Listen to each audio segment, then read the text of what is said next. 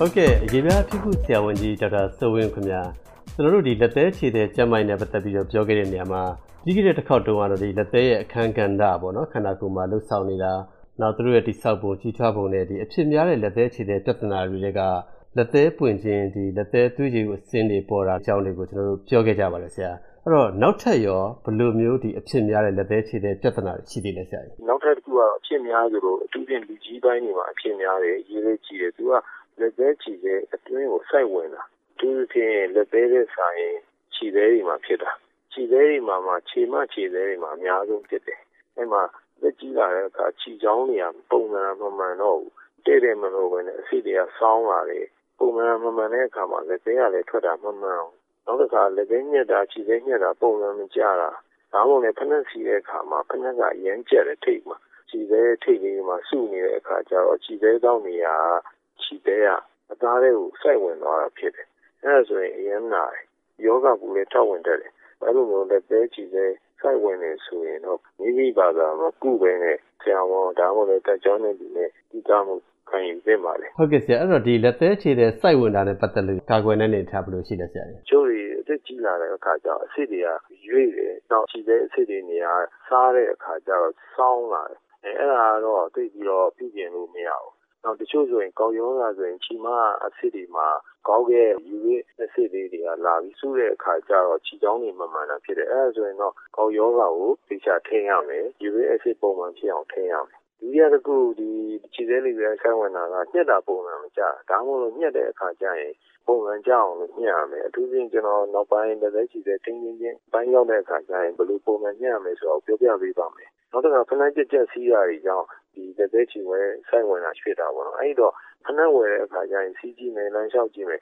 အဲ့ဒီဖနက်ထိတ်မှာခြေချောင်းငါးချောင်းဆိုတော့ကိုကလှုပ်ကြည့်ရမယ်လှုပ်လို့ရမှစီးလို့ရတာလှုပ်လို့မရဘူးဆိုရင်ဒီရှိဆိုရင်ဒါဆိုင်ဝင်မယ်အဲ့လိုမျိုးဆိုရင်ဖနက်ပုံမှန်ပြောင်းအောင်ဟုတ်ကဲ့ဆရာကြီးနောက်ထပ်ရောဒီအဖြစ်များတဲ့လက်သေးခြေတဲ့ပြဿနာရှိသေးလားဆရာရှိပါတယ်ဒီလက်သေးခြေတွေမှာပိုးဝင်တာများတယ်အထူးသဖြင့်မှုကတ်တာပေါ့ အဲ့ဒါကိုလက်သေးခြေတဲ့ပွေလို့ခေါ်တာပေါ့အဲဒီလက်သေးခြေတဲ့ပြဿနာအားလုံးရဲ့တဝက်လောက်ကဒီမှုဝင်တဲ့ပြဿနာပဲဆိုလိုချင်တာကအရင်ဖြစ်များတယ်ကုသရတာလည်းခက်ခဲဘာဖြစ်လို့ဆိုတော့6တချို့တွေဆိုရင်လက်သေးတွေတွန့်ထူနေတယ်ခြေသေးတွေမှာပိုဖြစ်များတယ်ခြေသေးအစွမ်းကကြွလာတယ်ဒါမှမဟုတ်နောက်ကခြေရလည်းမညီညာတာ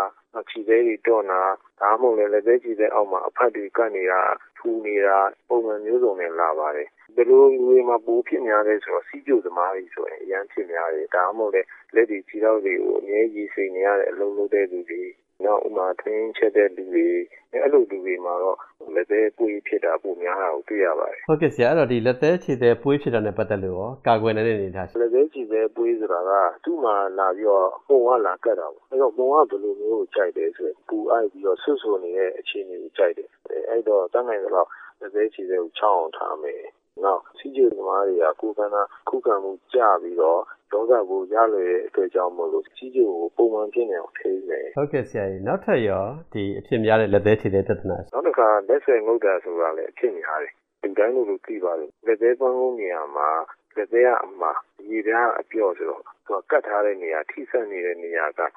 ခိုင်မြဲဘူးပေါ့ အဲ့တော့တန်ရာပဲဖြစ်ဖြစ်ပြင်းတဲ့ရေခဏခဏအမြဲထိနေတာမျိုးပဲဖြစ်ဖြစ်ဆပ်ပြာတို့ဆပ်ပြာမုံတို့ဓာတုရပစ္စည်းတွေနဲ့ကြာချီစွာထိတွေ့တဲ့အခါမှာပဲဖြစ်ဖြစ်အဲ့ဘန်းကုန်းနေရာလေးကပြက်သွားပြီးတော့ပွင့်သွားပြီးတော့သက်သက်အဲ့ကြားလေးကဟသွားတယ်အဲ့ဒီမှာဘက်တီးရီးယားပိုးတွေဝင်နေမတန်တာတွေဝင်နေအဲ့ဒါဆိုရင်နီလာတာတို့ရောင်ရမ်းတာတို့နာကျင်တာတို့ဒီတဲတာရေထွက်တာတို့အဲ့မျိုးတွေဖြစ်တယ် ဖောင်းပြီးတော့နေရနေတာပေါ့နော်အဲ့ဒါဆိုရင်ပတိဒီကတင်းစီတောက်စီတွေဒိုးပါတယ်ဟုတ်ကဲ့ဆရာဒီလက်ဆွဲငုပ်ခြင်းနဲ့ပတ်သက်လို့ရောကာကွယ်နေတဲ့အနေထားဒီပြင်းတဲ့ရေဒီလက်ပြားတွေရေနည်းတွေဆက်ပြားမုံတွေဒါလိပြားပစ္စည်းတွေတန်းနိုင်တဲ့လောက်ကင်တာလျှော့မယ်နောက်လက်ကူအသားတွေကိုချအောင်မထားဘူးနောက်မပြင်းမနေကန်ရတယ်ဆိုရင်လည်းလျှော့ပြီးကန်ကန်ပြီးတဲ့အခါကျရင်လည်း6ပေါင်တုပ်ပြီးတာနဲ့ဒီလက်သေးတစ်ဝိုက်ခြေသေးတစ်ဝိုက်အဲ့နေရာလေးတွေကို ဖင်းခရင်ဖုခရင်ပြန်လိမ့်ထားမှာပေါ့နော်ဆိုပြေနေအောင်လို့ပျော့ပြောင်းနေအောင်လို့ဟုတ်ကဲ့နောက်ထပ်ရောနောက်ထပ်အဖြစ်များတာတခုကလည်းလက်သေးချီသေးမှာ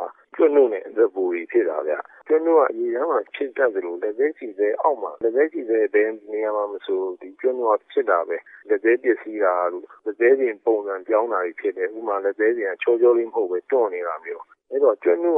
virus ပိုးဝင်တာဖြစ်တဲ့အတွက်ကြောင့်မို့လို့လက်သေးပေးပြီးလက်သေးအောက်တွေမှာဖြစ်လို့ရှိရင်နာကျင်တတ်တယ်နေရခက်တယ်နောက်ကျွတ်နုအပြင်အသက်ကိုယ်ဖြစ်တတ်တယ်ရိုးရိုးအသက်ကိုယ်ရောကင်ဆာမဟုတ်တော့ကင်ဆာဖြစ်နိုင်ကြရောလည်းဖြစ်တော့ဖြစ်တတ်တယ်အဲ့လိုမျိုးကျွတ်နုတို့အသက်ကိုယ်လို့ဆိုရင်တော့ဒီပြားခွဲစိတ်ကုသခြင်းတွေတူအပ်တယ်ဟုတ်ကဲ့ဆရာအဲ့ဒါအတွက်ဒီကာကွယ်နိုင်တဲ့အနေအထားကာကွယ်နိုင်တဲ့အနေအထားတော့တကူရေးတန့်ချင်ရေးပေါ့ဗျာဒီပြင်ကျွတ်နုလိုဟာမျိုးတွေက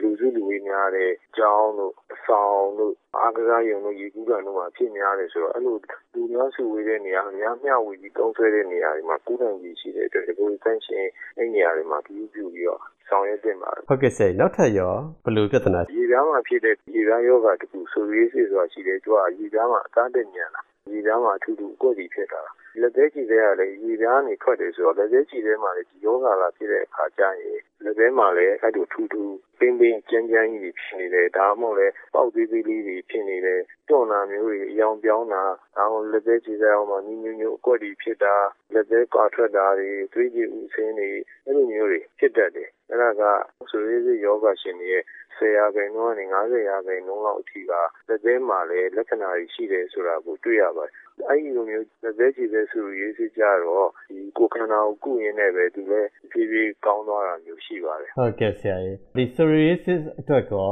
ကာကွယ်နိုင်တဲ့အနေအထား psoriasis ကတော့ဒီစားအခါမှာဖြစ်တာသို့တော့သူကထိခိုက်တာတို့ပွန်းတာတို့ဒဏ်ရာရတာတွေဆိုပိုဆိုးတတ်တယ်အဲ့တော့ကိုယ့်ရဲ့လက်သေးချီသေးတွေရေပြားတွေကိုထိခိုက်ဒဏ်ရာရတာတို့ကုတ်ဖဲ့တာတို့ချစ်တာတို့မဖြစ်အောင်ယူဆိုင်ထိန်းသိမ်းရပါမယ်ဟုတ်ကဲ့ကျေးဇူးအများကြီးတင်ပါတယ်ဆရာ